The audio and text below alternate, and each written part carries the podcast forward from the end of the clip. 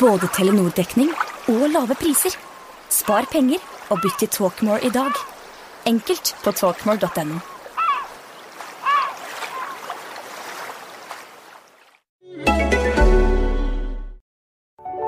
En podcast från Aftonbladet.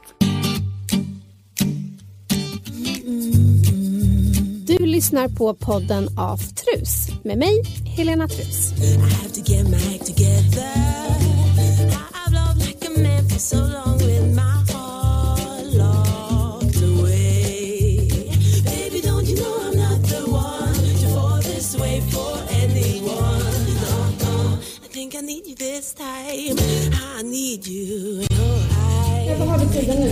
Hon är 20 över 11. Var det din första fråga? Vad sa du? Vad är klockan? Ja, just det. Vad är klockan? Vad är det för väder ute? Du, hur är läget? Jo, det är ganska bra, tycker Ja. jag. Eh, ja, just nu är det ganska bra.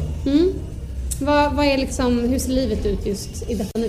Just i detta nu så ser det... Ja, nu är det lite oklart, eller otydligt, på Ja. vissa fronter kan man väl säga. Eh, Vilka fronter då? Ja, kanske, kanske framförallt på, eh, på den yrkesfronten. Mm. Där jag håller på att vela lite grann och inte riktigt vet vad jag ska hålla på med. Mm. Igen. Jag brukar göra det lite med jämna mellanrum. Ja. Så, så velar jag lite och, och funderar över vad ska jag göra nu då? Ja. Mm. Vad ska jag hitta på för någonting? Och, sådär. Och, och, eh, så är det väl just nu också. Men är det liksom en skön period eller är det en Ja, jobbig det är period både för Det dig? är, både, nej, det är en ganska bra period brukar Mm. det vara. För att man tar sig lite tid att fundera över vad, vad man har lust med och, och, så. Ja. Eh, sen kan det vara jobbigt om man inte om man får man prokrastinerar och inte kan bestämma sig riktigt för vad man vill göra. Då kan det ju bli lite jobbigt om det Mm. Ja. drar ut på tiden. Så. Men eh, nej, jag skulle säga att övervägande eh, bra. Mm. Men vad är det du, för jag menar du har ju gjort, liksom, om man ska ta din karriär i korta drag. Mm, gör det. Vad roligt. Typ vad spännande! Gud, Eller vill spännande. du dra den själv kanske? Nej, verkligen inte. Nej, men- Väldigt få vill höra det. i korta Nej, men, om, drag. men i korta drag, du började ju som modell Ja. eh, när du var eh, tonårsgrabb. Bör, eh, ingår det i min karriär?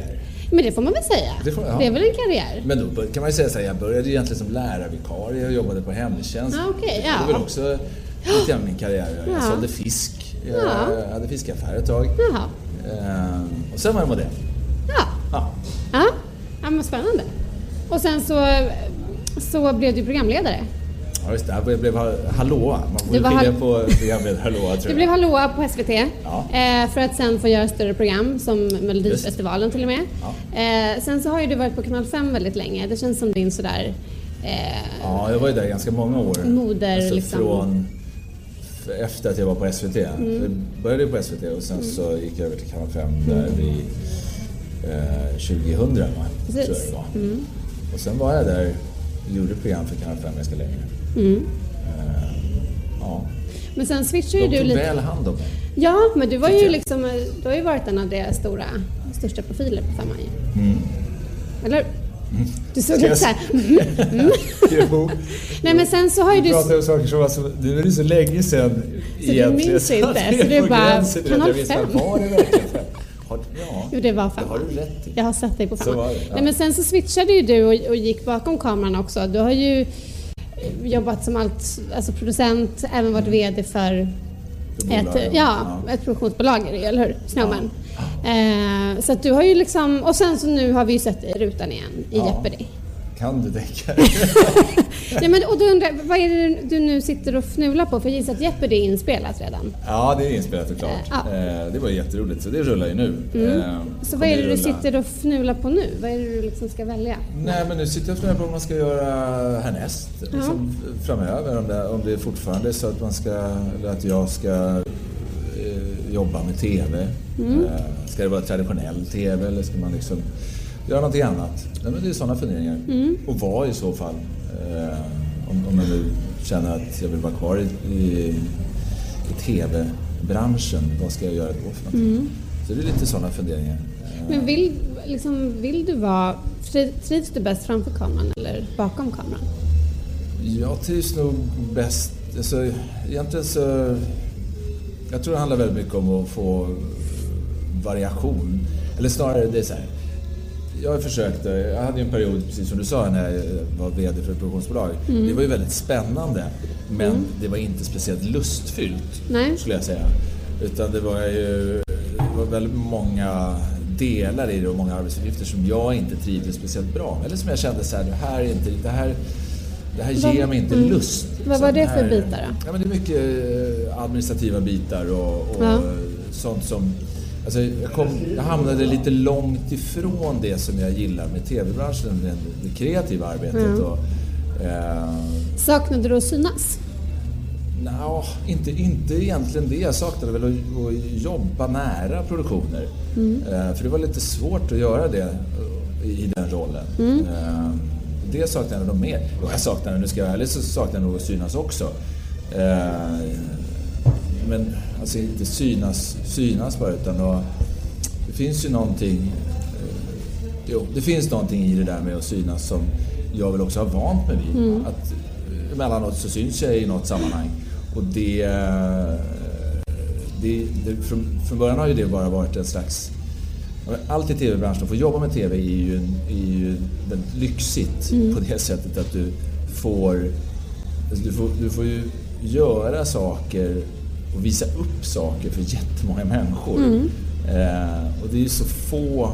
Alltså, det, är inte, det är inte så jäkla många kreativa yrken där man får göra det för så många människor. Eh, och det är ju jävligt häftigt. Eh, Ja, det- och och, det det, är mm. och, och det där med att synas, det är ju samma sak där. Då får man stå för någonting eller, eller leverera någonting för en jäkla massa människor. Eh, och, det finns något kittlande i det. Eh, plus att jag ju absolut har något sånt där eh, exhibitionistiskt i mig som, som, som alltid har funnits där. Och, och jag tycker om det. Jag tycker om att stå på scen eller synas eller vara, vara i rutan. Men när jag, när jag la ner det under en period så var det inte så att jag saknade det. Jag kunde inte känna sådär, oj vad jag saknar det här. Får jag jag fråga, faktiskt mm, varför, la du ner, var, varför la du ner en period? Nej, men det var nog en... Jag tror det var... Då när jag började jobba med annat också så var det ju för att jag förstod att vänta, den här branschen, att vara programledare i den här branschen, det är ju, eh, är ju ganska osäkert. Jag menar, ehm, ett tag så, så man vet inte hur länge det varar, man vet inte hur länge man kommer att, ha tv-program. Och då kände jag så här, ja, men ska, jag tycker ju fortfarande att själva branschen i sig gillar jag. Jag gillar människor som, så de människor, massa människor som jobbar i tv-branschen. Ehm, och vill jag vara kvar i den så måste jag nästan hitta andra saker att göra. Så blir det också ett naturligt steg tycker jag. Man har varit programledare länge och har... Alltså man har ju en helt... Man, får, man, man är ju en annan... Man, är ju som en liten egen ö när man är programledare i en produktion. På det sättet att du får en insyn. Du tillhör ju varken liksom, eh, så att säga, egentligen så tillhör du ju inte riktigt kanalgänget bara. Nej. Och du tillhör inte produktionsgänget bara utan du hamnar där lite mitt emellan och får insyn i båda delarna. Eh, vilket gör att man som programledare ser ganska mycket eh, vad som fungerar och inte fungerar. Ja, det kan jag tänka mig. Eh, och det har man ju väldigt mycket nytta utav sen när man, när man producerar. Om man tycker då är det kul om man tycker det är kul med det, om man tycker det är kul med själva tillverkandet av, av tv-program av, av olika slag så, så blir det rätt naturligt att man tar det steget eh, och börjar producera. Så det var nog en kombination utav att jag ja, kände så här, fan det här med programlederi, man vet aldrig, det kan ta slut. Det är lika bra att ha någonting annat också, eh, och lära sig någonting annat. Eh, och B, det här med att producera är jävligt kul. Det är otroligt roligt för, för och det är roligt i alla olika, alltså det görs så många olika sorters tv-program. Ja, ja, och de skiljer visst. sig väldigt, väldigt mycket åt. Rollen som producent skiljer sig ju väldigt mycket åt när vi pratar om en stor, gigantisk produktion och en lite mindre produktion. Så är det ju väldigt olika roller. Så du det är stor variation i det, i det jobbet att vara producent. Och du producerade ibland drak, Draknästet ju, Ja, som måste varit en ganska stor eh, Ja, fast den, är- den, den skulle jag nog snarare kategorisera som en lite mindre och Okej. ganska lätthanterlig produktion i förhållande till om du producerar ett Robinson eh, eller ett Mästarnas Mästare som jag producerar Ja, nu. Eh, Ja, det var där du var nere nu i september eller? Ja, precis. I, eh, och nu var du i Sicilien. Trevligt. Mycket trevligt. Ja. Och då jobbade du som, som Och producent? då var jag producent. Vi var två producenter. Mm. Så jag och eh, en tjej som heter Anna Tominen Ja. eh, producerade tillsammans. Okej. Vem, vilken deltagare sticker ut mest då? Ja, det får man ju inte säga. Det ska ju man upptäcka som Okej. tittare. Men det är så långt dit. är det? Ja, jag vet det till lång mars. tid. Men då får man suga, sukta lite grann efter det. Och sen så Mm. kommer man upptäcka, man kommer nog hitta sina... Man man kommer definitivt hitta sina favoriter bland, bland årets deltagare. Ja. Det kommer man göra. Men var det så också att en anledning till att du, du ville göra något annat, att du inte fick något TV-jobb? Alltså slutade erbjudandena komma? Eller hur Ja, det? alltså det, var, det slutade nog inte komma innan jag började som producent. Nej. Men eh, det var väl kanske... Jag vet inte om det var, var att jag var så pass klarsynt så jag förstod att de kommer sluta komma. Du såg Så in i jag- framtiden. Ja, så att det är lika bra att jag börjar med det här. Ja. För så var det ju lite grann att det, eh, det blev ju mindre och mindre att göra som programledare. Jag fick färre och färre program. Mm. Och precis i den vändningen så började jag istället producera. Mm. Eh, sen kunde jag fortfarande göra något program då och då men, Mm. men det var inte på det det var inte på samma stadiga sätt som det hade varit tidigare. Där jag liksom ju hade ett kontrakt och gjorde ja, två programserier om året kanske. Men Eh, nu måste jag fråga, för det där, liksom, vad, vad gör det med en som person att... Ja, men, för TV-världen är ju väldigt nyckfull. Du är liksom, det kan svänga ganska snabbt. Man är, kan vara jättehet en period och sen så svalnar det och så kan det bli jättehet igen. Det går ju liksom lite sådär cykler kan jag tänka mig. Men vad gör det med, med dig i det här fallet och som person när, när man är i en period där, där kanske inte erbjudandena trillar in och man är, det är ganska tyst? Jag vet inte, det gör ju... Det beror ju lite grann på vad man har satt sig i för situation i Mm, övrigt. Och precis. hur pass mycket, alltså hur stor del av, av ens liv som, som just det består av just då. Eh, det är ju väldigt... Oavsett vad man jobbar med så är det ju väldigt riskabelt att liksom hänga upp allting på eh, ett arbete eller allting på en relation eller allting på vad du nu vill ha för någonting. Liksom. Eh, så, så det spelar nog ingen större roll om det har med TV att göra eller någonting annat. Men Just det det där, hänger man upp allting på, på just en sak i, en, i ens liv, då blir man ju väldigt sårbar. Eh, Mm. Hade så du gjort det? Om att, nej, och då tycker jag nog att jag hade varit, eh, ändå lyckats just så att säga sprida mina risker lite grann Ja. på det sättet att, att jag inte hade hängt upp allting på att Mm. åh, jag måste få programledarjobb. Eh, Och får jag inte det, då är allt skit. Ja. Utan då fanns det andra saker. Då hade jag ju eh, i de perioderna det har varit lågt, eller det blev en ganska naturlig övergång. Att det blev så, ja men okej, nu, nu är jag ju producent istället. Så att, ja då är det ju ingen stor grej om jag inte gör program. Sen om det kommer ett program, jag har ju fortfarande alltid varit väldigt öppen för att göra eh, TV, alltså för, för att vara programledare. Så att, har vi liksom hållit, hållit det som en, så här, ja, dyker upp någonting som verkar kul så gör jag gärna det. Och också, kanske inte lika aktivt som jag gjorde när jag bara var programledare, men ändå så här, försökt få eh, produktionsbolag och, och kanal att, att förstå att ja, men jag är fortfarande sugen på att göra det. Innebär det att du måste liksom pitcha idéer eller vara, li- liksom skicka lite mejl och hallå, så här, glöm Måste, inte det mig? skulle jag ju kunna göra. Nu har jag kanske inte gjort det riktigt. eh, För jag, om man, om man nu tittar på de senare åren här, alltså sen, ja, sen de sista fyra åren, tre, fyra åren i alla fall. Då, då la jag ju i princip programlederiet helt åt sidan. Så när jag började jobba med Snowman och startade det, då handlade det ju väldigt mycket bara om det. Då fanns det ju inte ens möjlighet, även om jag faktiskt gjorde någon programserie eh, under den tiden också, så var det verkligen in, inget fokus på det. Var det då du Eh. gjorde Filip Fredrik? Nej, det gjorde jag strax innan. Strax innan, ja. Eh, när jag fortfarande var, var på, på Jarowski. Eh, nej men, och, och, alltså, så sista åren har det inte funnits något riktigt fokus alls på just programlederiet. Det var ju först sen när jag slutade med Snowman och, Mm. och, och skulle fundera över "Jaha, vad ska vi göra nu då? Ja. Då, och då dök det här med Jeopardy upp. Och, Mm. eh, Så det är väl först nu i så fall som jag ska som jag borde, borde hålla på och lobba för, för att eh, göra fler programledarjobb. Men nu har jag Mm. ju spelat in ett par, ett par säsonger utav Jeopardy. ja, det är så. Ni har liksom smält av den några här, på ja, raken. alltså hösten och, och så att säga, vårens program är inspelade.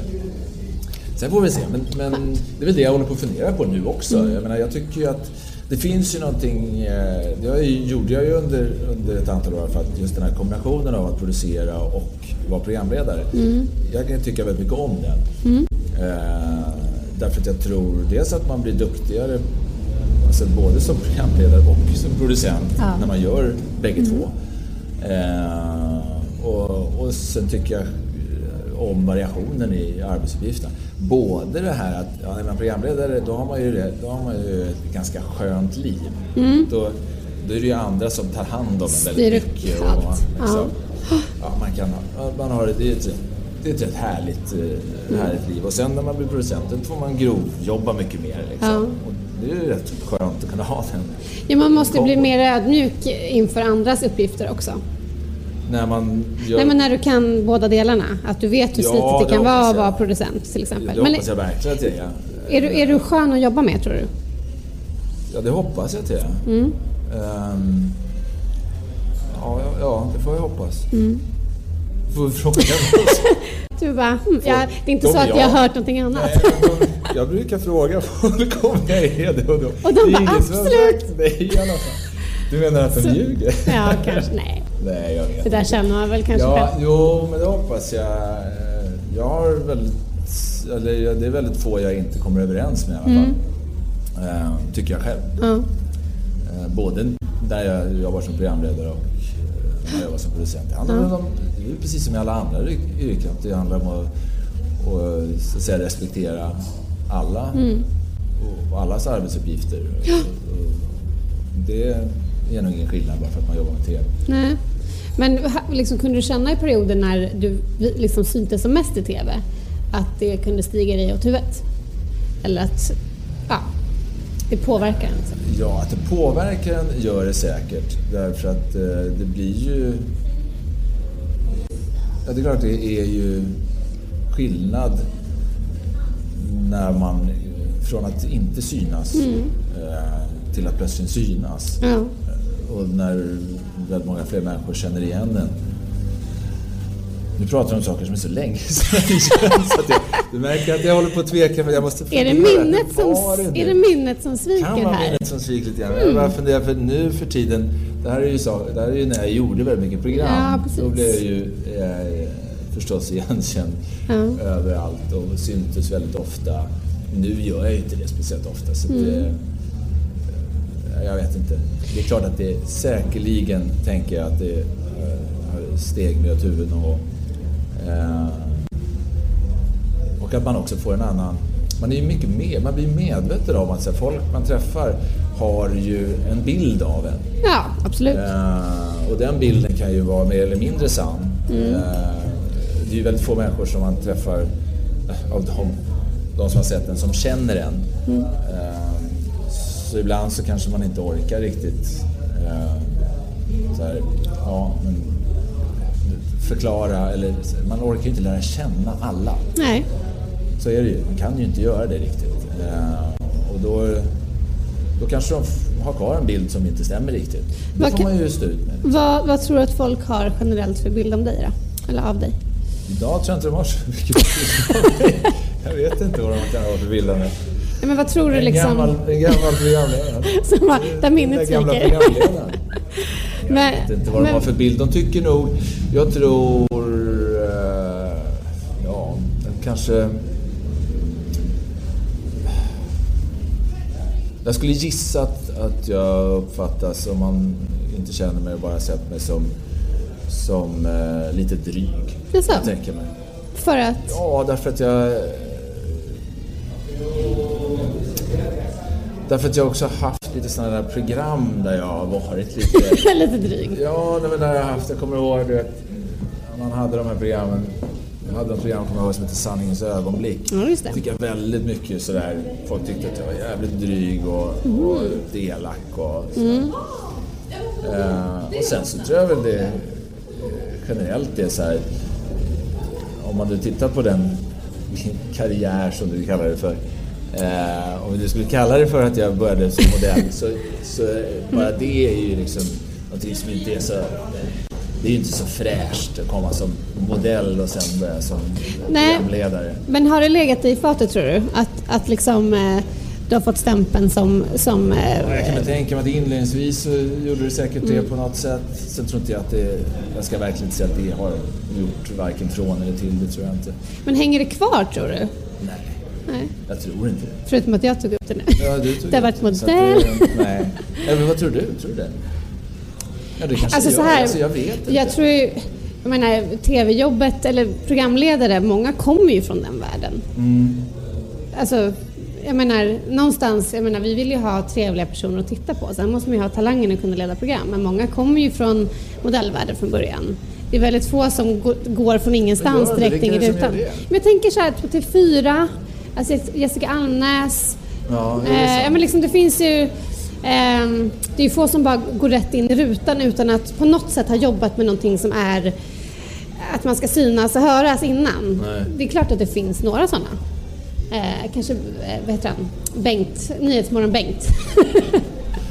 Nej, men, Men- jag tror väl att, jo, alltså det var säkert, om man, om man ska säga, det var ju säkert en fördel eh, att, ha, att ha jobbat som modell, tror jag var en fördel. Ja.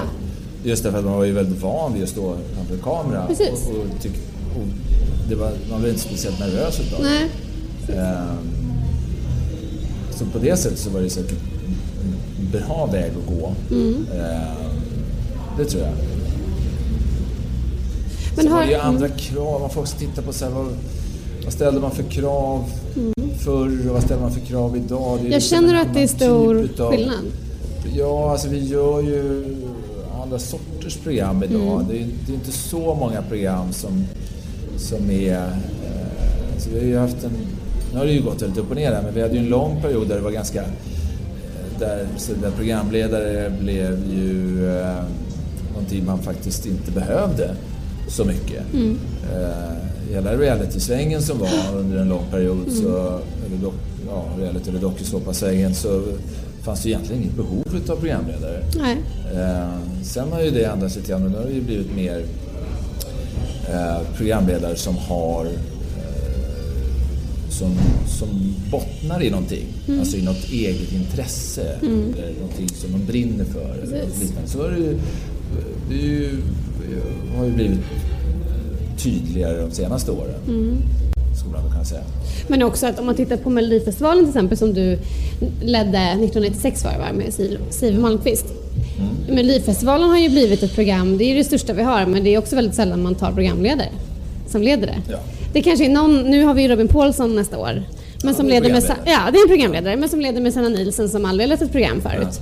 Eh, Så att SVT har ju verkligen eh, flyttat liksom fokus från, liksom, från att använda sina egna profiler i stora program, utan att man tar in personer som är stora på andra sätt. Vad tycker du om det? Nej, men det är ju ganska naturligt tror jag att, att man gör så därför att det är... De, man jobbar ju hela tiden på att locka, locka publik. Och då är det ju spännande att ta människor som har en publik. Ja, och som visst. också på något sätt då eh, kan göra... Ja, det kommer vara annorlunda då. Mm. Eh, om det är bättre eller sämre, det, det vet jag inte. Liksom. Men, Men, men kan det vara en stress att, alltså, eh, om man liksom ska hårdra det så kan man känna så att programlederiet för 10-20 år sedan Mm. handlade ju kanske inte så mycket om er som personer. Alltså, Nej. du behövde inte vara en person som hade någon ja, men speciell karaktär eller hade 200 000 följare på något som heter Instagram. Liksom. Men förstår du, det, är- det är så mycket mer nu att man man ska vara någon, man ska, ha någon, man ska vara så jävla speciell liksom. Ja. Eh, och då får man leda ett program. Man börjar liksom i andra änden på något sätt. Kan inte det vara vilket, lite är, vilket stressande? mer, vilket ju är mer naturligt egentligen. Ja, ja, men kan inte det vara en stress? Du som ändå har varit i den här världen ganska länge. Är det inte en Jo, stress om att det är så Om det himla... var så, det var så att jag satt idag och var så här, nu, nu min grej, det är att vara programledare. Mm. Ja, That's it. ja, Eh, då skulle jag säkert känna en stress över ja. Men så, riktigt så tänker inte jag. Nej. Och då, ja, det är väl fascinerande att se vad som händer. Det ju- det som sagt, det är ju stor skillnad från förr. Ehm, och, och det gäller ju, så är det ju hela tv-branschen i stort, att det är spännande att se vad händer med den här den traditionella TVn. Ja. Vad, kom, vad kommer det här att bli Ja. i slutändan? Ja, man pratar ju lite om en liksom, TV-kris. Att Ja. liksom, de stora kanalerna tappar tittare eh, och liksom, webb-TV är någonting som puttrar där och liksom, börjar mer och mer, inte ta över ska jag inte säga, fortfarande är ju gammel-TV eh, drar sto- de, den stora tittningen.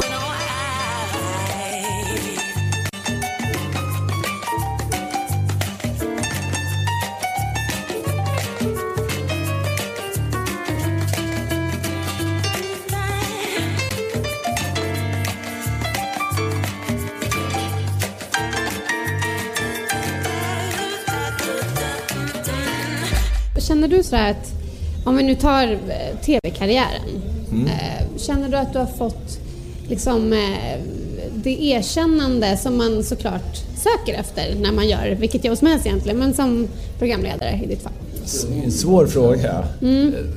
Det kan ju vara allt för att man sätter upp ett mål att jag vill leda den här typen av program eller att jag vill få den här typen av respons från kritiker. Eller liksom, Om du liksom väver in de här olika till vad du själv Ja. känner eh, inför det du Ja, jag skulle säga att jag har nog...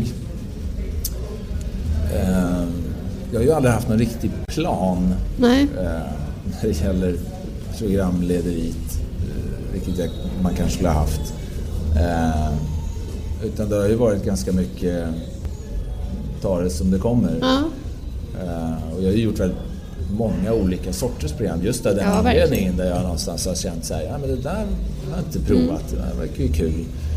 Eh, och det kanske både, det kanske har varit dumt i vissa avseenden då för det har ju inte varit, funnits någon tydlig linje och det, det har ju inte heller liksom, eh, det har ju gjort kanske mig som programledarprofil lite otydlig. Eh, samtidigt så har jag fått göra helt mycket blandade saker. Ja. jag har ju haft, fått ha jävligt roligt under vägen och få, testa väldigt mycket olika sorters program och i det då också träffat jävligt mycket olika sorters människor och, och det har ju varit en enorm det har varit en superlyx tycker jag Ja. att, att ha fått göra på det sättet.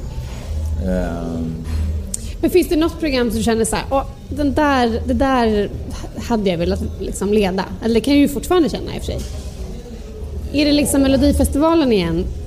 Eller finns Ja, men alltså, åt, återigen, jag är, är, har aldrig varit sådär superbespetsad på något specifikt program. Jag, vet, jag hade absolut under de tidiga åren när jag jobbade som programledare så var jag väldigt såhär, åh vad jag skulle vilja ha min egen talkshow. Ja. Sen så efter ett tag så började jag känna såhär, nej, jag vet inte om jag skulle vilja Det är så ha jävla kul. förresten." Nej. Så att, ja, men så, så här, släppte jag nog det och kände så här, nej, jag, jag tror inte det förresten. Och sen så har jag kunnat tänka så här, åh vad jag skulle vilja leda något så här stort, gigantiskt program. Och sen känns det så här, ja, nej men det, jag är fortfarande så att jag kan tänka mig att leda jättemånga olika sorters Ja. program. Men har väldigt svårt att säga så här, åh det, Det där, där. är mitt program. Och det där är nog ett litet det, det skulle som sagt nog vara bättre om jag var, hade en lite tydligare idé om vad det var jag ville göra. Men, men det kanske jag kommer att få också. Som sagt, nu har jag varit ute ifrån den här eh, från liksom programledarloopen. Eller jag har faktiskt inte, jag har liksom inte tänkt i programledarbanor på ett antal år. Så då har jag lite stoppat det där åt sidan. Eh, Men så nu får jag väl börja fundera igen. Precis. Och det är väl det jag tänker att jag ska göra nu också. Fundera sig, ja om jag nu skulle fortsätta lite grann igen som programledare. Vad är det då jag skulle vilja göra? Vad tänker du då? Vad, vad liksom lutar du åt?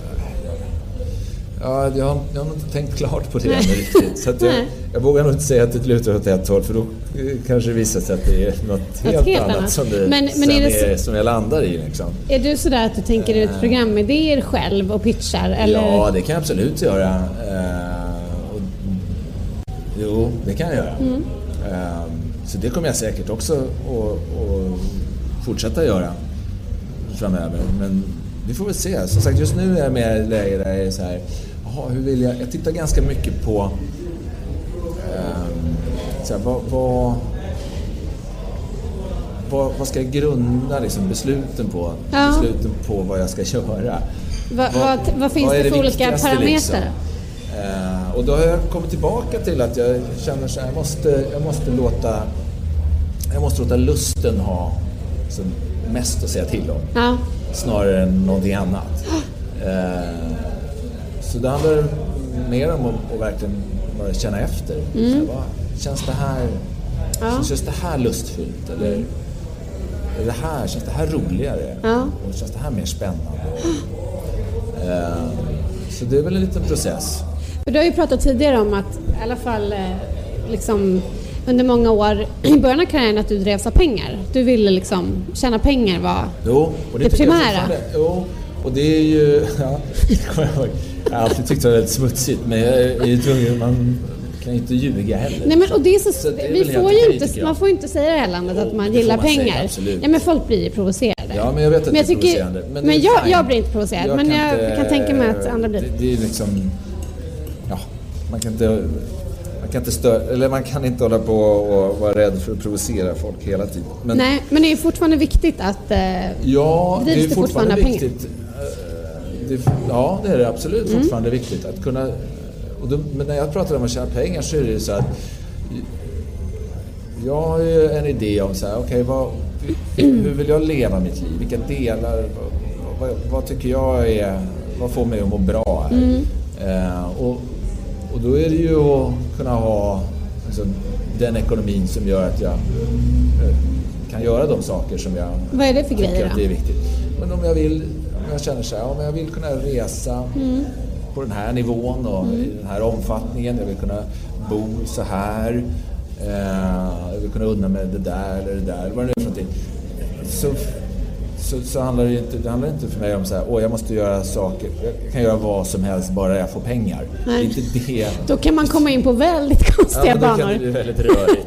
Ja men som du har berättat om när du det- stal bilar och sånt Ja, nej, Din kriminella eh, tid. Precis. Nej, men, Du, så du funderar det- inte på det igen? Liksom. Nej, det gör jag inte. Eh, och det, är inte det är inte så heller, utan det är mer att jag vet att det är en av parametrarna i när jag tar beslut. Så kommer Mm. Ja. det vara en av parametrarna. Ja. Och, det är jag medveten om att det är. Så då, och, och egentligen ska jag hårdra det så är det egentligen två stycken viktiga delar i det här. Mm. Det, ena är så här, lusten och det andra är att det finns en ekon, ekonomi i det hela.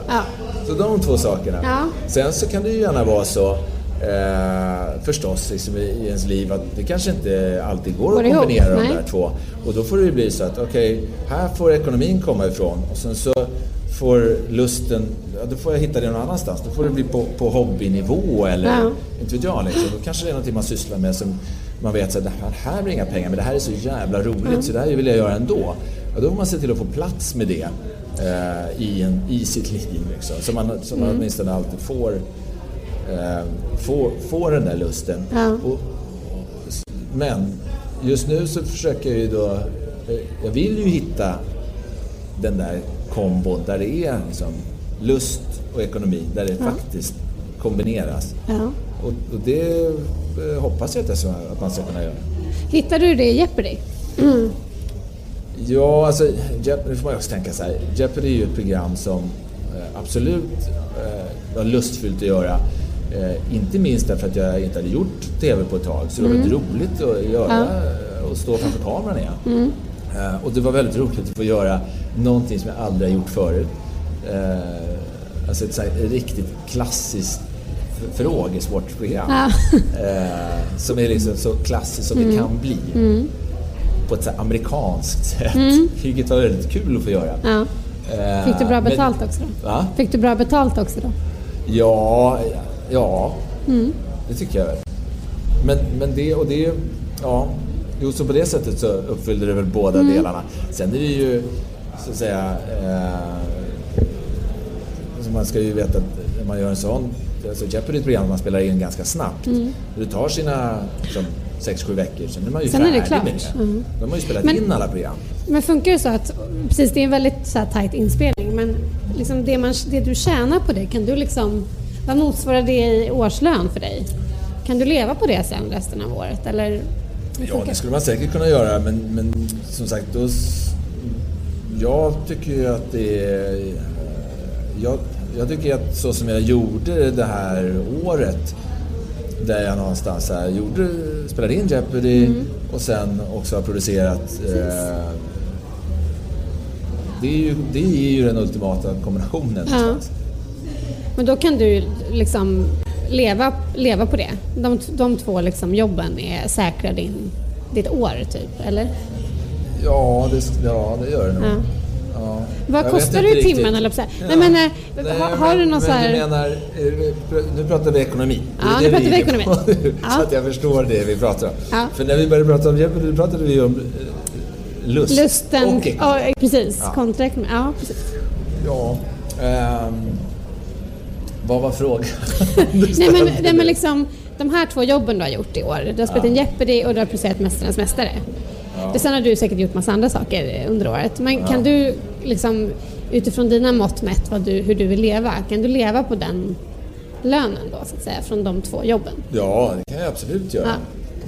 Men, men då har jag ju sen en massa tid över. Ja, ja och det är precis. Du vill väl vara sysselsatt? Man vill Då väl vill inte man bara gå och göra dra? någonting också under den tiden. Eller så vill man använda lite tid till att fundera. Som du är nu. Eh, Men du är ledig nu, liksom. och liksom... Ja, just halvledig kan man säga. Jag håller på lite grann fortfarande. Ja. Men, men, eh, men har ändå liksom ganska mycket tid att Mm. och just fundera lite. Men i en sån tid, för det kan ju vara det blir väldigt intensivt, du är på inspelning och så kommer du hem och så ska man ha tid att fundera. Mm. Och det vet man ju, man är ju olika där. Vissa tycker det är jätteskönt, andra får liksom bli deprimerade och få panik och, och känna att man inte Nja, gör någonting. Hur, hur funkar du i nej, perioder när du snarare, inte... Snarare är det så att man får en gammal sån här, eh, vad man kallar det, en, en, en liten eh, PPD som vi säger, en post production depression. Ja, ja. Eh, Men det är ju mera för att man har varit så intensivt i produktion. Ja. Och, när, och då är man ju i produktion 24 timmar om dygnet Mm. under en period och le- lever väldigt tätt ihop med folk Mm. Som man jobbar tillsammans med. Eh, Det blir ju liksom som en, som en liten bubbla som man är i. Mm. Och sen kommer man ur det där och är klar med det.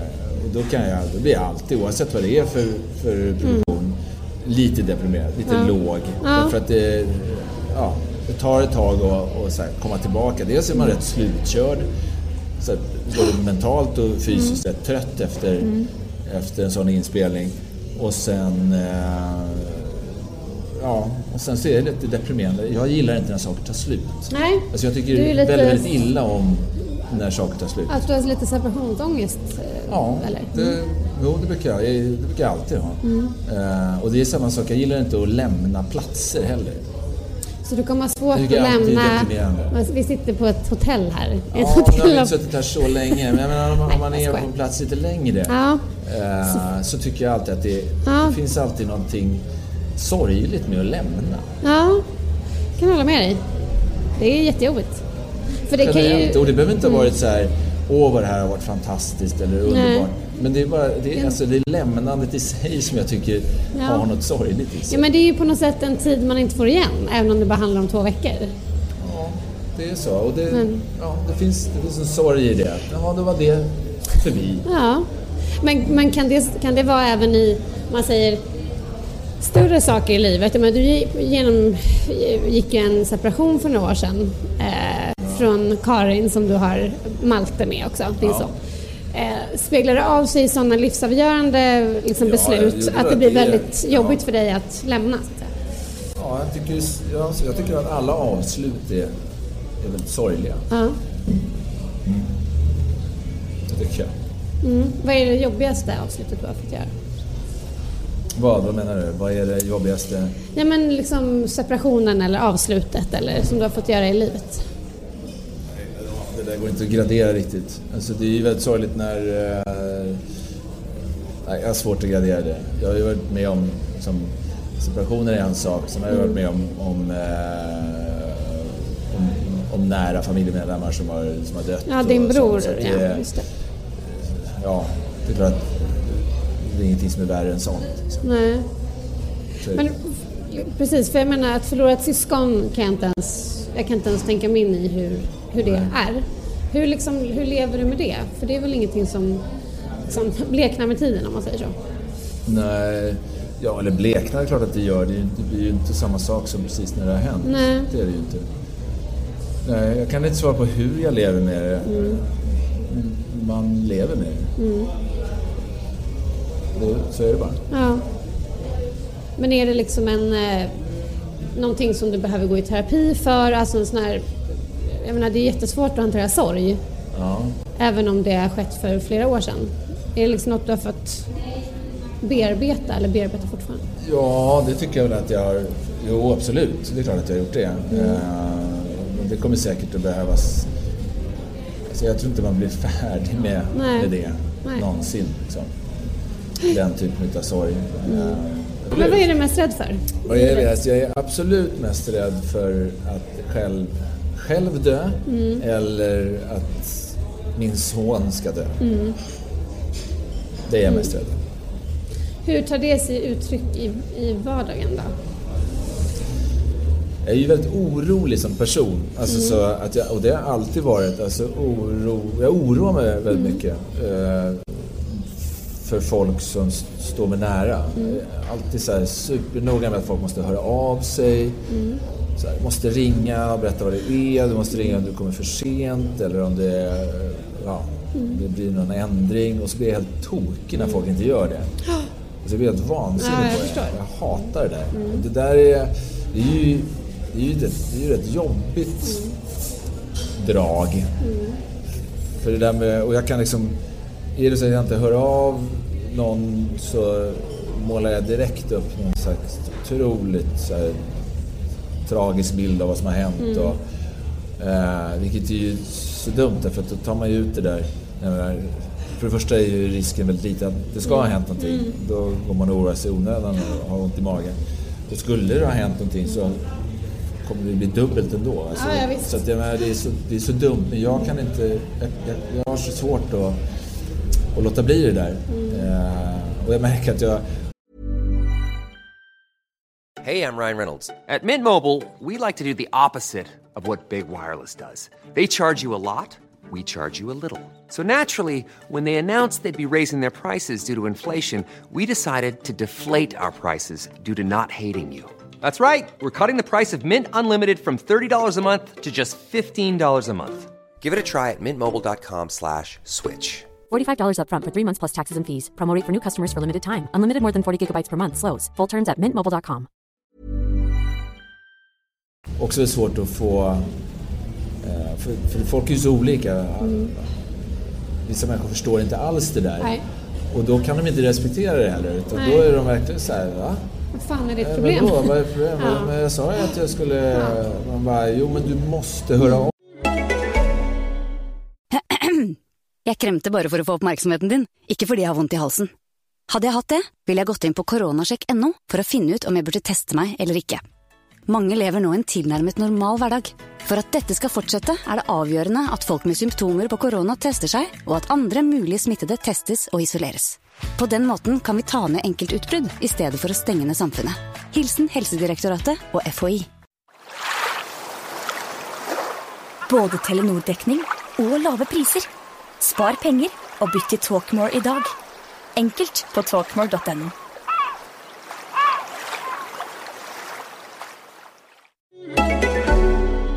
av det och så fattar de inte. Jag blir helt, jag, då kan jag verkligen bli jag blir så jäkla förbannad på det där. Eh, för att jag blir så orolig. Jag får så ont i magen och bara direkt tror att nu har det hänt något skit. Är det också så att du har... Jag är nämligen väldigt likadan person själv och jag kan ju få så att om inte jag har sagt... Sen varje morgon måste jag säga till min man så här, kör försiktigt. Ja. För har jag inte sagt det så tror jag att det ska hända någonting. Har du några sådana här... Jo, jag kan säga... som man- Jo, jag kan ha, det kan jag ha med min, med, med min grabb, med Malte. Så kan jag vara så att jag måste ändå här, säga att jag älskar honom innan han går. Ja. Och sen så här, så kan jag bli så här, hörde han att jag... Du, Ja, ja. Och så ropar man nästan igen och bara... Och sen smsar man en extra gång ifall att han nu inte hört. Nej, men jag förstår det där. Det är något... Nej, jag tycker jag är paniskt rädd för att någonting ska hända med, med, med honom just. Eh, Mm, men det är klart. och, eh, och sen är jag generellt väldigt rädd för döden. Men har, tycker jag, lärt mig att inte tänka på det eh, så mycket. Så att jag är inte så att jag eh, vaknar varje natt och och är kallsvettig. Men Det, nå- någon gång i veckan i alla fall gör jag Ja. nog det. Och... Eh, nej, jag är... Nej, jag vill verkligen inte tänka på det. nej, men Det är så... Nej, jag vet inte. Jag, jag har... Jag kan, det är så dumt vi, generellt vi västerlänningar. Vi har ju så jävla komplicerat förhållande till döden. Eh, och det är ju... Jag vet inte hur man ska komma förbi det eller komma runt det eller ändra på det. nej. Eh, att, att vi har så... varför tror du att vi har det då? Nej, men vi har ju... Ja, det är ju kulturellt förstås. Liksom. Det finns många andra kulturer som är mycket bättre på att hantera döden, tror jag, än, vad, än vad vi är. Eh, Vi pratar väldigt lite om det. Eh, Och det är inte så att säga... Vi har aldrig gjort det som till en naturlig del Nej. i, i livet Nej, som man ju har, har, har gjort i flera andra kulturer. Det är väl där skon klämmer lite grann. Det är där problemet är. Att det, vi har aldrig lyckats göra det till en naturlig del. Och då blir det så otroligt onaturligt. Eh, och någonting som man... Nej, man vet inte hur man ska handskas med. nej. Eller jag vet inte i alla fall. Men är det inte också att vi... Om man Sen tänker är vi ju så ateistiska. Ja, Alltså, så att vi, precis, vi eller- har ju ingen tro på generellt på vad som händer efter döden Nej, eller det att det finns en mening har med döden eller... Nej. har några sådana tankar och då, Mm. då är det klart att det blir ju ännu värre om man inte har några, någon övertygelse om att, Nej. om att det är någonting eh, efter döden och dessutom någonting bra. Mm. Eh, så då, ja, då, då framstår ju döden verkligen som, som på alla sätt och vis det absolut värsta. Ja, och så definitiv. Alltså det är Ja. ju... Jag kan önska ibland att man, man trodde att ja, ja, men vi lever vidare i ett, ett nästa liv. Tänk vad bekvämt det skulle vara. Om man nu Jag trodde vet, det. ju, jag vet ju liksom, alltså jag är ju tyvärr, eh, både jag och min familj har ju drabbats av, av, av eh, ett antal dödsfall de senare åren. Eh, och jag vet att det, det har faktiskt varit en, en av de stora grejerna är just den här, alltså att det är så definitivt. Jag är ju så van vid att det, man kan alltid fixa saker. Ja. Alltså det, det går alltid att lösa. Det spelar ingen roll hur jävla risigt någonting är så kan man alltid hitta en lösning. Eh, och det vet jag när min, eh, min bror gick bort för tio år sedan i en olycka. Hur jag slogs utav, för första gången så slogs jag utav så här, det här är, alltså jag kan inte göra någonting. Nej. Det finns ingenting att göra. Det spelar ingen roll liksom, Nej. vad jag gör. Det kommer inte ändra det som har hänt. Och, och den frustrationen är ju eh, alltså som bara som, som blir rent fysiskt. Alltså det blir som ett fysiskt illamående av att man inte kan göra någonting åt Eh, när det verkligen liksom är någonting som man verkligen skulle vilja kunna göra någonting åt. Ja, ja, så kan man inte det. Nej. Men, men det är väl också ett sätt, alltså det du pratar om att du försöker kontrollera det här genom att eh, precis alltid tänka värsta tänkbara scenario. Du försöker ju någonstans i huvudet förbereda på att det kan hända igen Ja. och att någonstans kontrollera att om jag kanske bara säger jag älskar dig till min son nu innan han går så ska det inte hända någonting. Så att, har det kommit ur, ur det tror du? nej, Eller har det alltid inte. funnits Alltså, jag, det där har alltid funnits hos mig. Jag, jag kommer ihåg när jag var liten hur jag var eh, så här, paniskt rädd för att min mamma inte skulle komma hem från jobbet. Ja. Mm. Och du vet, när jag visste vilken tid hon skulle komma och vilken buss hon skulle komma med. Och så kom hon inte Nej. med den bussen. Och då, jag, jag kommer, jag kan, idag kommer jag verkligen ihåg hur jag så här sprang, satt där vid busshållplatsen och väntade. Ja. Och, vet, och, jag, och tårarna bara sprutade och jag var helt säker på att nu hade det hänt någonting. Mm. Eh, och sen så tycker man att det är superfånigt sen när de dyker upp. Man bara, men hur kan jag... Liksom, Mm. Ja, ja. Jag på med? Mm. Men det där, ända sedan dess har det där funnits hos mig att jag, jag blir så otroligt orolig. Mm. Eh, och jagar upp mig själv liksom, och får mig själv att tro och övertyga nästan mig själv om att nu har det hänt någonting. Eh, och, och så ta, i förskott tar jag ut allt det där som kommer att... Alltså, jag kan förstås inte helt ta ut sorgen men, men jag, jag, kom, jag kan nästan så jag kan ta ut så här, ångesten över att jag borde ha gjort så här, jag kunde ha hindrat det, jag kunde ha gjort på det här sättet. Jag, du vet, alla de här grejerna som bara... Och det där, det är ju helt vansinnigt men, men jag vet inte. Jag tycker jag har blivit lite bättre på det med åren. Men fortfarande, eh, nej, fortfarande blir jag väldigt, väldigt orolig. Ja. Men när du då är med om att en nära går bort, Ja. hur hanterar du det då? För precis, du har ju tänkt hundra gånger i din skalle hur det skulle vara om en nära till dig Ja. inte finns mer. Nej, men då... Alltså de...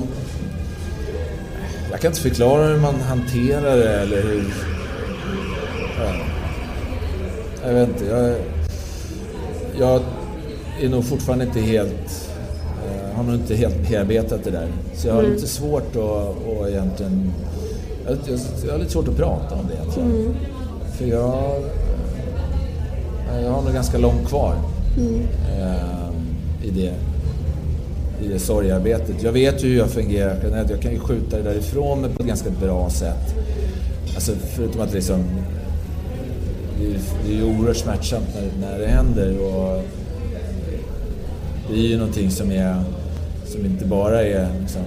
alltså Det går inte att jämföra med att, att vara ledsen över någonting. Utan det är, ja, man, ska nog, man måste nog vara med om det för att förstå vad det, vad det gör med en och hur, hur smärtsamt det är, hur ont det gör. Eh, och då är jag, ska jag säga så här, det är säkert ingenting mot hur, hur det har varit för eh, min mamma då som ju har ju först, jag förstår inte ens hur hon har liksom klarat av att gå vidare. Men, men för min egen del så, så jag är bra på att skjuta undan saker bara lägga det åt sidan. Liksom. Det är säkert helt idiotiskt. I långa loppet så kommer jag säkert få betala för det. Eh, Jag vet att jag säkert behöver bearbeta det hela väldigt mycket mer än vad jag har, gjort hittills. Även om jag ja, har lite terapi och eh, så, så finns det nog mycket kvar att göra. Är det okej att jag ställer frågan vad det är som har hänt och så får du välja och Ja, alltså det är väl...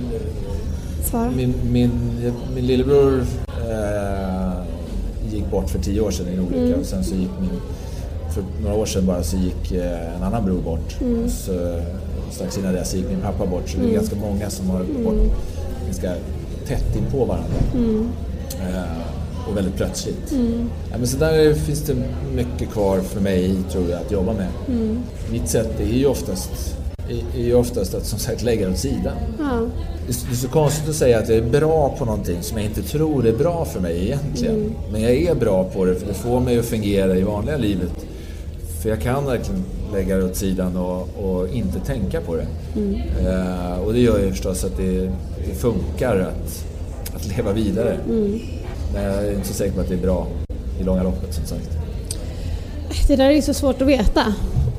Men känner, känner du att det är liksom... Eh, alltså att du är orolig för att, att om du trycker bort det för mycket att någon gång måste det ge upp? Alltså måste man ju bearbeta det det. jag tror att det, det, kanske, det kanske inte är rätt sätt i längden att bara trycka det åt sidan. Ja, livet är inte rättvist. Så är det ju. Nej, men det är väl ingen som har trott att det, att det är rättvist. Liksom. Nej, men vi kan ju ibland menar, tro, vi- vi tro det. oss- Ja, alltså det fanns, det fanns tider i mitt liv där jag har tänkt så här, jo, men det är nog rättvist ändå på något sätt. Liksom. Mm. Även om det eh, så att säga, objektivt sett inte är rättvist så Nej. kanske det är det subjektivt sett. Det vill säga, eh, oavsett vilken misär man lever i så upplever man lika mycket lycka ändå utifrån, det, utifrån sitt eget perspektiv. Eh, och lika mycket sorg och så. Alltså det finns en typ av rättvisa men det där tror jag inte på längre. Nej, livet är nog inte rättvist. Nej, men det är väl som du sa det här att vi har så konstig relation till döden för att vi har ju haft det väldigt bra i Sverige dessutom. Vi har kunnat, allt från att vi har kunnat hålla oss borta från två världskrig i princip till att vi har det så bra så att, och vi vet att med medicin och andra saker så kan vi leva ganska länge. Jag menar snittåldern säger man ju ska, snart blir vi 100 år liksom. Så att det, det finns ju i oss där att man tror att man nästan är, inte att vi lever för alltid, men att livet ska pågå väldigt länge. Och därför blir ju chocken så stor när det inte gör det. Ja, nej men så är det absolut. Det, det som det får när, när man råkar ut för sådana där händelser, tycker jag i alla fall, det gör att man, tycker jag i alla fall, att man känner så oerhört mycket mer med, med andra som eh, råkar ut att man förstår på något annat sätt vad det innebär och vad det, man kan ju förstå smärtan på ett sätt som man kanske inte gör annars. Man tidigare bara har, vet, man läser notiser i tidningarna om någon trafikolycka och någon som har dött. Så, så jaha. Och när man väl varit med om det där så ser man det på ett lite annat sätt. Man ser ju de som är lämnade kvar och vad, vad, vad det gör med dem. Vad de kommer att få stå ut med, vad det är för liv de kommer att få leva Ja, efteråt. Men som sagt, att livet skulle vara rättvist, det, det har du. det är en utopisk tanke som jag tror man får släppa. Det är ju bara att titta på hur det ser ut i världen. Det finns väl ingen, det finns Nej. ingen rättvisa. Nej, nej, verkligen inte. Men, men tänker du att, att det du har fått gå igenom också kan vara en tillgång i att faktiskt, jag menar om man tänker eh, empati och att, jag menar man har ju vänner runt omkring sig som kan råka ut för samma sak. Jo, men jag skulle hellre slippa den tillgången. Ja, det förstår jag. Men finns det, liksom om vi eh, tänker på livet i stort, finns det något du ångrar? Nej, alltså jag ångrar alltid väldigt många saker. Fast Mm. oftast gör jag det eh, precis in på att Mm. saker och ting har hänt. Eh, Så det finns jättemycket jag ångrar Om man tänker i det- karriären, finns det något så här stort? Nej, de där stora sakerna, nej det brukar jag faktiskt inte ångra när jag får lite perspektiv på det. Mm. Jag ångrar som sagt jättemycket saker ganska, ganska tätt inpå. Ja. Eh, så kan jag ångra både saker jag har sagt och gjort eller Mm. Så. Men, men eh, sen så gör jag det ett tag Mm. och sen släpper jag det där. Och sen ångrar jag inte så mycket. Och, nej, i karriären så finns det ingen... Nej, det är ingenting som jag tänker... I alla fall ingenting som, som sitter kvar idag och som Nej. jag känner så åh jag skulle ha gjort sådär. Eller, Men är det så att du... det så, ä- när vi Mm. pratar om saker så är det klart att du säger så här, ja, det kan ju vara så att du, när du ställer en fråga om så här, ja, vad skulle du vilja ha gjort för någonting? Ja. Då kan jag ju sitta så här, men var det inte så för massa år sedan att jag ville göra det där? Ja. Ångrar jag att jag inte gjorde det? Nej, Nej. egentligen gör jag ju inte det. Men... Ja, det alltså, jag kan inte kalla det för att ångra. Nej. För ångra är någonting, tycker jag, som i så fall har någon vikt och som betyder någonting Mm. idag och som så här, ligger kvar och gror eller så här, åh fan.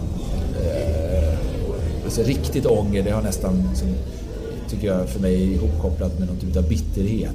Ja, ja men Och där tycker jag inte att jag... du, du har aldrig Nej, slagits av bitterhetens... eh, När bitterheten sätter klorna i en så att säga.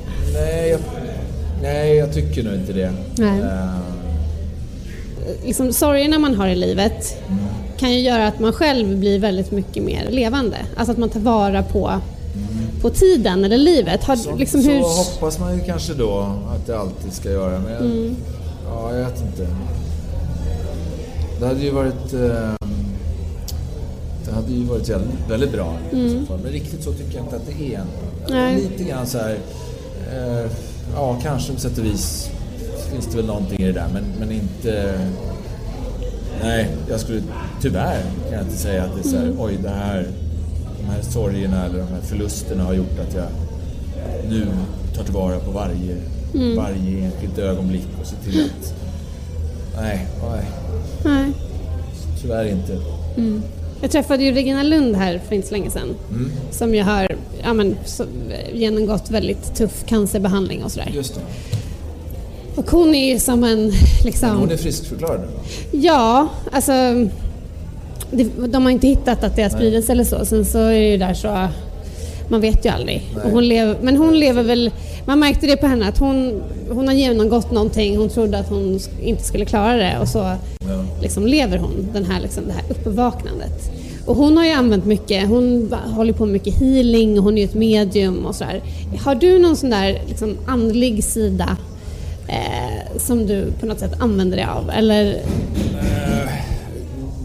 Nej, det skulle jag inte säga. Jag mediterar gärna. Mm. Eh, och har gjort det i många år. Men, men eh, det är väl så andligt som det blir. Sen har jag ju hållit på med testat väldigt mycket Mm. andligt. Eh, jag, höll på, jag gjorde ju ett program en gång i tiden som heter Förnimmelse. Ja, just det. Det minns jag. Och då träffade jag många medium. Mm. Eh, och satte mig in i den världen eh, Mm. ganska mycket. Eh, och, och jag fick, eh, eller gick på många sådana behandlingar och jag tyckte det var superhärligt. Mm. Eh, sen har jag Sen har jag lite svårt att, så att säga, helt gå upp i det. Mm. Det finns alltid finns någonting du vet, någonting kvar hos mig som är... Jag är ju i grund och botten så väldigt logisk. Allting ska kunna gå att förklara logiskt för att jag ska riktigt tro på det. Eh, så att för mig finns ett värde i det, absolut. Jag vet att det, det liksom har fått mig att må bra när jag har provat den här typen av olika sorters healing, kristallhealing. Och, eh, och, och, men det är också någonting som jag märkte var mer av något utav quick fix. Eh, och det var ingenting som egentligen förändrade mig och, och gjorde något bestående hos mig. Nej. Eh, förutom meditationen som jag har fortsatt med. Ja, det, fick, det var där du hittade det. här tycker jag att ja, men det, här, det här finns, det här ger mig, Mm. eh, det här ger mig någonting. Och, och det, det är någonting som jag gärna fortsätter med.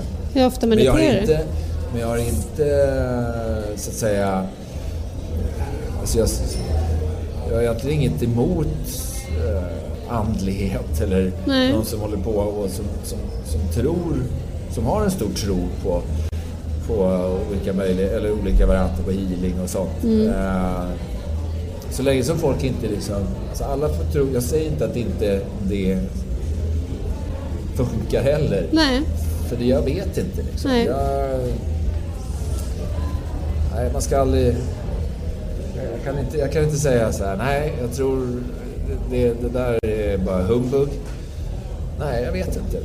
Det funkar, Nej. vissa, Ja. vissa mår bra utav det. Det handlar Precis. mer om det tycker jag. Så här, mår man bra utav det, eh, också med allting annat så här, mår man bra utav det och dessutom tycker att man har råd att lägga ner pengar på det. Ja. Ja, varför inte? Eh, det är jättebra om du tycker att du mår bra utav det. Eh, det enda jag inte gillar är, är ju de som sysslar med sånt som försöker så här, pracka på, Ja, precis. tvinga in folk eh, och övertyga människor. Utan, eh, nej, men alla, alla gör sin grej. Det ska de få göra också. Vad är det med Så mig? länge man inte Mm. skadar någon annan. Nej, precis. Eh, Så fine, gör det som du tycker att du mår bra utav så länge som sagt ingen annan kommer till skada. Men vad får dig att må bra då? Eh, tror att det som får mig att gå bäst är alltså det som, det som är grejen Ja. i livet. Vad är meningen med livet? Jo, det är Ja. ju, eh, måste ju vara relationer. Mm. Alltså oavsett vad det är för relationer, kärleksrelationer eller vänskapsrelationer. Eh, det måste ju vara det som är Grejen. the shit. Har, har du the shit då? Ja, jag har ju ingen kärleksrelation nu. Det, har ju Nej. varit, det, det där har jag ju rätt dålig på. Eh, så det är väl något som jag skulle behöva bli bättre på. Kan inte, det låter som att det är någonting jag Ja, skulle kunna träna Du kan läsa en bok och så kan... Nej men vad är det som, när du säger att, att Nu, det är kommer du, något... nu, ställ, nu, kommer nu är du inne på någonting som jag inte kommer att ha några svar på. Okej, Så att du vet. men, men jag ställer ändå frågan. Varför tror du att, att du inte har lyckats med en kärleksrelation? Jag tror att det handlar om rädsla. Mm. Och framförallt en rädsla för, för riktig närhet. Mm. Tror jag. Och vad är du rädd för då? Att... Ja, jag vet inte riktigt vad det är. Det är en rädsla, alltså det, det kanske, eller jag har funderat, jag har förstås funderat en del på Mm. det. Ska jag erkänna. Ja. Eh, men det kanske jag tror jag har att göra med mitt kontrollbehov. Och då är jag plötsligt inne i någonting som jag inte kan kontrollera. Mm. Då blir jag rädd för det. Eh, och då vet jag inte hur jag ska handskas med det. Nej.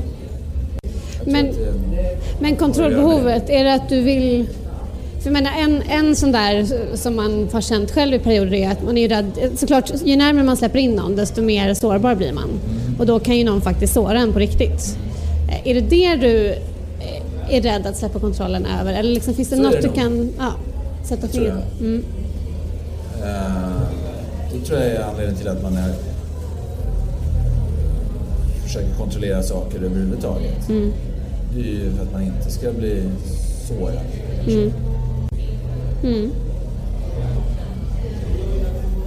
Men är det någon sån här, ibland kan det ju vara något som bara finns i en eller så har det hänt någonting som gör att man sen efter det eh, är, är rädd för någonting. Är det så att du har blivit väldigt sårad i en relation eller är det någonting som alltid bara har funnits där liksom? Nej, jag, jag, kan, jag tror att det är någonting som alltid har funnits där snarare. Jag kan inte liksom säga att jag något sätt, mer än någon annan har blivit sårad i Nej. relationer. Det tror jag inte. Eh, Nu ska man ju säga att jag har inte haft så många relationer. Nej. Så att, eh, ehm, jag har nog inte tillåtit mig själv att hamna i de sitsarna där, där jag riskerar att bli sårad. Speciellt ofta. Nej. Men, eh, men ha- handlar det också om vi liksom ska återgå till det vi pratade om att om man har haft stora förluster i livet, har det påverkat att, att Nej, våga släppa in någon? Nej, det tror jag inte. Jag tror Nej. att det, det här är någonting som har funnits med mycket, mycket längre än så. Mm. Så det tror jag inte Nej. faktiskt. Ehm, nej, det, där, det här är någonting jag, ehm, jag får jobba på helt Ja. enkelt. ja. Men är det en sån här liksom, sorg i sig att du inte har en relation? Det tycker jag att det är. Det, Mm. finns, det finns absolut en sorg i det. Därför att jag ju som sagt tror att, eh, att det är relationer det handlar om Mm. här i livet. Så finns det absolut en sorg över det. Men känner du dig ofta ensam? Nej, det gör jag inte så ofta. Men jag gör det emellanåt. Eh, eh, och emellanåt så kan jag känna att det, att det saknas en del. Liksom. Det saknas en, en bit. Eh, och, och, det, och det är väl där jag tror att det, att det just handlar om. Den, den sortens relation som saknas. Hur skulle du säga att det är att leva med tror jag jag lever med. Ja. Toppen! Det var det är så jävla kul. Alltså det är bara bra. Det är som det en fest. inget dåligt. Jag Nej. lovar, Det är som Nej, fest varje dag. Ja. Ja, så är det. Det är ändå skönt att man har liksom självinsikten. Ja, eh, nej, jag är nog... Jag är nog... Eh, jag tror att det som är svårt är ju just att jag har rätt svårt att släppa in folk riktigt, riktigt nära mig. Och det tror jag är väldigt frustrerande om man lever med mig. Eh, tror jag. Och märker du det själv när det väl sker? Alltså är du, om du förstår vad jag menar? Ja, alltså min ringa erfarenhet av relationer så skulle jag väl säga att det eh, har jag märkt. Ja. Du känner själv att det är något som... Ja, jag känner Tar emot. det och jag känner att det är, att, att, att det är något som, som stoppar mig. Att jag har väldigt svårt för det. Att, att, att verkligen släppa in någon hela vägen. Hur jobbar du med det då? Alltså, eller vad man ska säga. Ja, först så, alltså just nu jobbar jag väl inte mer, mer än att äh, ska jag träffa någon kanske som jag känner att jag, att jag tror att jag ehm, som jag tror att som jag tror att jag skulle trivas ihop med, som skulle trivas med mig. Men sen tror jag att liksom, jobbandet får man kanske göra tillsammans då. Ja. Det handlar nog om att jag måste vara ganska öppen med att så här funkar jag och ehm, det, här, det här problemet har jag. Ja. Och, eh, och då gäller det att jag träffar någon som är beredd att arbeta tillsammans med mig för att, för att man ska komma förbi det. sätt. ja, och våga säga det också. Ja, Alltså- absolut. Det är inte alltid så lätt. Nej, det är inte alltid så lätt. Nej, det är det inte. Eh, Det är ju en...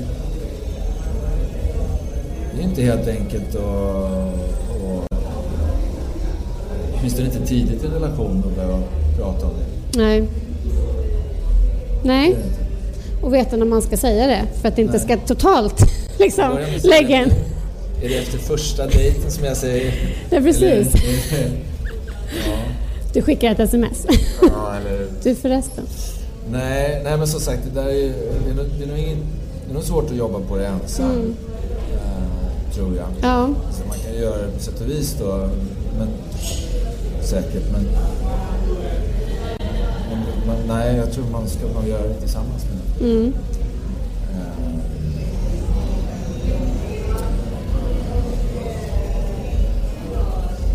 Sen så är jag, alltså jag märker ju också det, det är ju så nu är det ganska länge sedan som jag hade en, en, en eh, säga, stadig relation eh, med någon typ av uttalad ambition från Mm. bådas håll att det här är någonting vi vill satsa på. Mm. Eh, det var ju rätt länge sedan jag, jag och Karin separerade. Mm. Så problemet har ju också varit under vägen där någonstans att, att, ja, träffa någon där man känner att ja, men det här är någonting som, som jag tror på. Eh, och jag är, jag är nog lite knepig i det där. Men jag har oftast varit liksom två olika lägen. Antingen så är jag inte speciellt intresserad Mm. eller så blir jag besatt. Eh, Okej. och Den där är rätt... Ja. Var, alltså, varken, ingen av de två eh, sätten är ju kanske optimala för att, bygga en relation. Nej, det, men, men vad menar du när du säger besatt? Nej, men då blir jag, kan jag bli så så tagen utan någon att jag liksom ganska mycket skiter i vad det är för människor. Jag blir bara Mm. tagen utav, ja, det kan vara vad fan som helst liksom. Mm. Och så eh, blir det mer en fix idé. Okej. Snarare än att det är någonting som bottnar i eh, ja, som har någon botten. Men är det liksom passionen då? Alltså Ja, blir det att säga, en... Det blir en passion en- från min sida. Ja. Ja. Och vad händer sen då? För det där passion vet vi ju... Ja, ja, men, och- ja, men är det så att du snabbt vaknar upp i den där passionsbubblan och bara shit, hej då? Eller? Ja, alltså, så kan det väl i och för sig vara, men oftast så blir det snarare någon typ av... Eh, det blir väl snarare så att då vill jag på något sätt, så att säga, får jag för mig att då vill jag hoppa över väldigt många steg. eh, fast jag håller mig själv tillbaka från att göra det. Ja. Men jag vill ju, alltså, då knasar jag till. Man kan väl säga, kort sagt så kan man säga Vilken gullig liten formulering. Då brukar jag, Det blir knas. Då brukar jag se till att, eh, då brukar jag förstöra det ganska, ganska snabbt på något Okej. sätt. Genom att typ vara otrogen? Eller Nej, liksom... nej, verkligen Nej. inte. Inte, med, inte, inte i de lägena. Nej, det brukar inte vara. Det brukar inte vara. Då, nej, Nej. det är inte så jag fungerar. Utan, Nej. eh, det är väl snarare så att då försöker jag väl forma eh, mig själv till någonting som ska göra att vi snabbt kan ta det här eh, vidare. Och då blir det ju inte jag som gör det, utan då är det ju något jag hittar på mm. som gör det. Men att, Då är det mm, inte, då är det inte jag där längre och då, då är man ju rökt redan från början, ja, ja, visst. tycker jag. Känn, är du medveten om det här när det händer? Ja, oftast är jag Ja. ganska medveten om det. Det, det, liksom, det sitter någon på din axel och bara Hallå? Nu? Ja. Men alltså det... Egentligen... Alltså, Ja. jag tror också så här, jag är är ju också ganska feg när det gäller eh, relationer. Jag skulle säkert må bättre av att ge mig in i, i fler Ja. relationer och, och så att säga eh, jag skulle, Testa. jag skulle behöva träna. Jag tror att det är det. Ja. Jag är väldigt otränad i relationer. ja. Så att det, det är ju sorgligt men, men, eh, men så är det. Så att jag, jag kanske skulle behöva träna Lite träning. Ja men också Ja. köpa så här. Jag får också för mig så att antingen så eh, om, om jag träffar någon så är det så antingen så ska det här vara någon och så jag ska fatta direkt att det här är någon som Mm. jag ska vara tillsammans med och förhoppningsvis resten av livet och Ja. bygga, ett, bygga ett liv tillsammans med. Mm. Eller så är det inte det. Nej. Eh, och då är jag ganska kategorisk eh, i det där Mm. rätt raskt. Mm. Eh, så jag ger, alltså, då ger jag ju inte saker och ting chansen heller. Liksom. Eh, det är väl, ja, det är väl det jag skulle behöva träna på. Och Mm. köpa till sen, men okej, man får väl se vad det blir utav det. det Ja. det, så resonerar jag väldigt sällan. Mm. Utan det är antingen eller. Ja. Och, och det tror jag inte är kanske, kanske inte rätt väg att gå. Nej. Nej, men det är ju... Alltså of, ofta tycker jag, om man tittar på sig själv och folk i sin omgivning, de, de faktiskt eller man själv här, lever med i slutändan är ju inte den typen som man tror att man skulle ha. Det tycker jag jag ofta slås av. Att, Ja. att man liksom... Alltså du, återigen, nu pratar du med någon som har oerhört lite erfarenhet av en relation.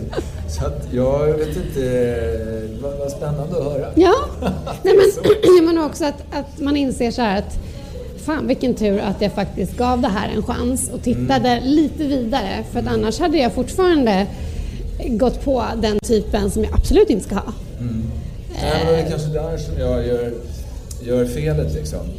Jag kanske, och det, och det har jag faktiskt funderat över, just det där. Man, jag tror att jag skulle behöva eh, ha lite mer tålamod när det gäller vissa.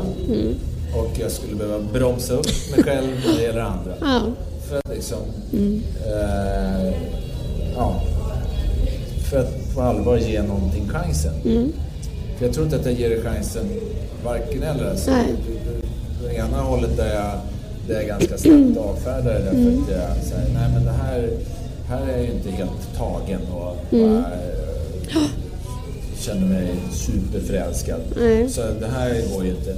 Eller å andra sidan, oh, här är jag superförälskad så här måste vi vara snabbt, vi kanske ska gifta oss imorgon. Eh, hur många har du friat till? det, nej, jag har faktiskt aldrig, jag har aldrig friat. Ah, Du, du var inte så. eh, eh, men mer hos mig Mm. eh, då. Och, och, eh,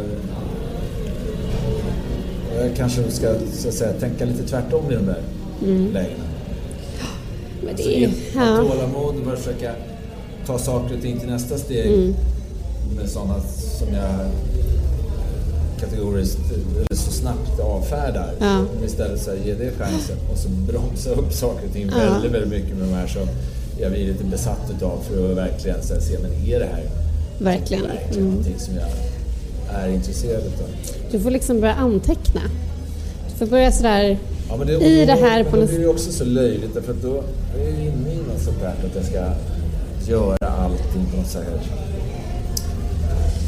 Men, så onaturligt. Ja, jag vet. Det känns ju extremt osexigt Ja, känner jag nu att börja skriva ner saker. Men så. Ja.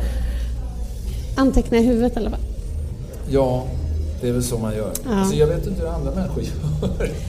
Nej men oftast, det tycker Jag jag. blir fascinerad. Folk som blir så här, ja men så är de tillsammans med någon. Ja. Eh, ja men så verkar de vara ihop något halvår. Och sen bara, nej nu är de inte tillsammans med Så blir de tillsammans med någon ny. Ja. Och så är man Ja, det men jag vet. Och jag bara, jag är fascinerad utav Ja, jag förstår det. att jag kunde, Det- att jag kunde fungera lite mer så. För Mm. det tror jag skulle, skulle vara bra Ja. eh, för mig. Sen så tror jag, alltså i det här får man ju också lägga in att jag är ju... Jag har inga problem med att vara ensam. Jag trivs ganska bra med att vara ensam. Eh, och så har jag levt det här sättet som, som eh, jag har gjort de, de sista 9-10 åren där jag liksom lever så här varannan veckas liv Ja, med precis. min grabb. Eh, och varannan vecka så har jag inte honom. Det, det ska jag ju också säga att det har ju varit, det har ju trivts ganska bra med. Eh, det här med att eh, alltså, just, att sakna relation. Det händer ju i omgång, eller händer ju då och då där jag kan känna såhär, nej, fan. Känner jag mig ensam. Jag skulle Ja. vilja dela. Det, nog mer så här, jag skulle vilja dela på eh, vardagliga saker. Det är där jag kan, kan känna den där saknaden. Så jag har ingen lust att bestämma själv vad det ska vara för färg på den här jävla väggen. Nej, vad jag ska Kan äta till middag. annan vara med och Ja. vad vi ska äta till middag eller vad jag ska, vad, vilket porslin ska vi köpa? Mm. Jag behöver köpa nya bestick, ska jag bestämma det igen? Ja, ja, precis. Och så ska man gå i affären och så ser man alla andra gå i liksom två... Vi, kan inte man dela på det där på något sätt? Eller dela på det där eh, på, just, ja, dela på vardagen. Mm. Det är det som jag saknar mer än, än någonting annat tror jag. Mm. Eh, och jag tror att det har blivit, jag tror att det har, eller jag vet, ska jag säga, att det, det har blivit mer så här, i takt med att jag blir äldre. Just därför att jag också har börjat märka på någon sån här, eh, förutom att jag, att jag är rädd för döden så har jag också börjat bli så här skraj för att jag ska bli ensam.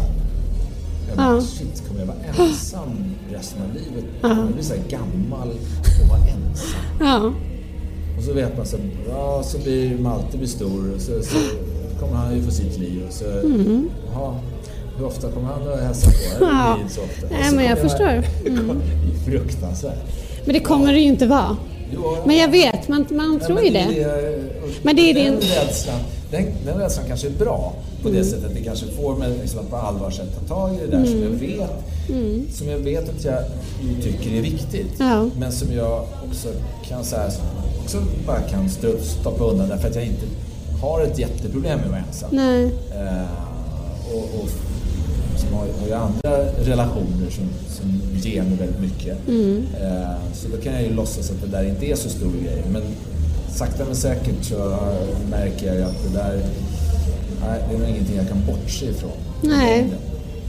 Nej, och alltså, samhället är ju uppbyggt väldigt mycket på fortfarande kärnfamiljen. Även om familjer inte ser ut så i stor utsträckning. Men vi, det är ju väldigt liksom... Är man singel så får man ju ofta frågan ja, men var, varför är, du singel? Och så ska man liksom ha någon slags förklaring för det. Ja, det har väl också, som, har också haft betydelse. För jag har inte heller, heller... Samtidigt som jag kan vara avundsjuk på dem, som sagt, som man ser. Så, så, oj, de är tillsammans där och sen så tar det slut och sen tillsammans med någon ny och så.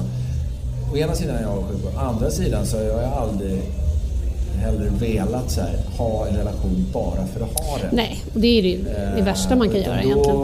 Då har jag ju var, valt att vara Mm. ensam. Eh, och eh, som sagt, jag trivs väldigt bra med det. Mm. Eh, och jag ska inte säga, det kanske är så att jag... Om jag nu... Om jag, om jag skulle ge mig in i eller hamna i en relation så kanske jag kommer känna... Ja, gud vad tråkigt det här var. Och inte få den här ensamtiden som jag vill ha. Jag vet, jag vet inte. Ja, men det där är ju precis att gräs, gräset är grönare på andra sidan kan man ju tro. Liksom. Ja. Det, man är väldigt bra på att i en situation alltid tänka att det är bättre och att man ska ha det på ett annat sätt. Ja, men vad säger du nu? Det är nog att jag inte ska det. Nej, det är det jag säger. Va? Nej, men jag menar med att det är klart att du kommer när du i en relation känna ibland så här, kan inte du bara gå ut härifrån för nu vill jag vara Men det är själv. väl fine. Ja, Men, ja. så det, det är klart, ingenting är ju liksom eh, fantastiskt hela tiden. Nej.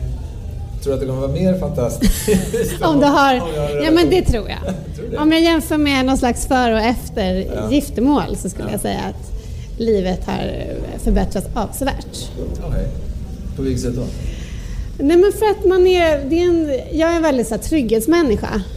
Jag är jättenära min familj. Det är så här, och det är inte bara därför man ska ha en relation såklart. Man ska inte liksom lägga sin trygghet i någon annans händer. Men jag kan känna att jag märker på mig själv att jag, tyck, jag tycker om mig själv mycket mer. Jag tycker att det blir mycket så här, lugnare och mer tillfreds.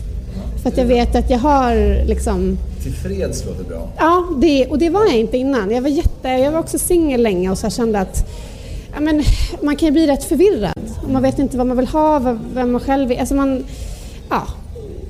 Och sen att, att man kan känna sig ensam, det är skitjobbigt. Och så tror man så här, jag kommer vara den som är ensam hela livet. Och som jag tror nu, alla, eller alla som säger, många av mina kompisar får bli gravida så här. Och så tänker jag så här, nej men då kommer jag vara den som inte kan få barn. Men du vet, man är ju jävligt bra på, apropå att bygga upp så här skräckscenario liksom.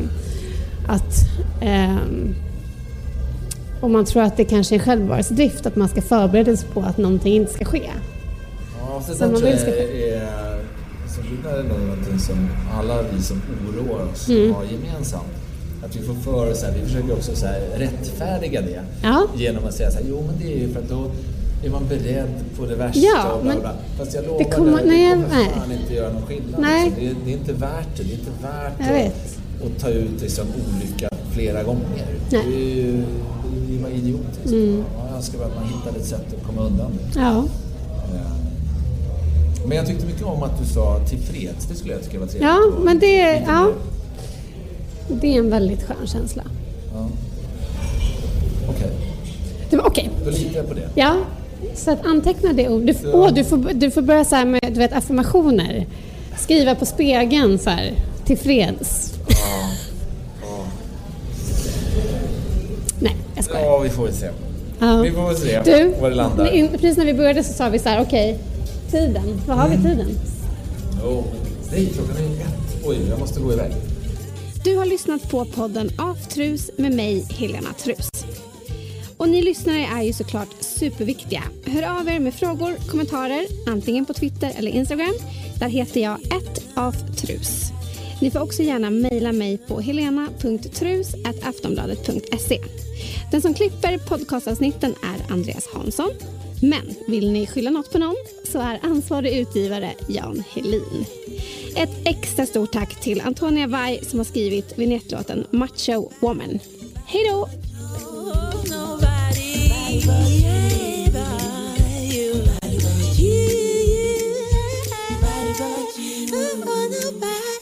Nobody but you, nobody but you. Nobody but you. Know what we'll do. Nobody but you, and nobody but you.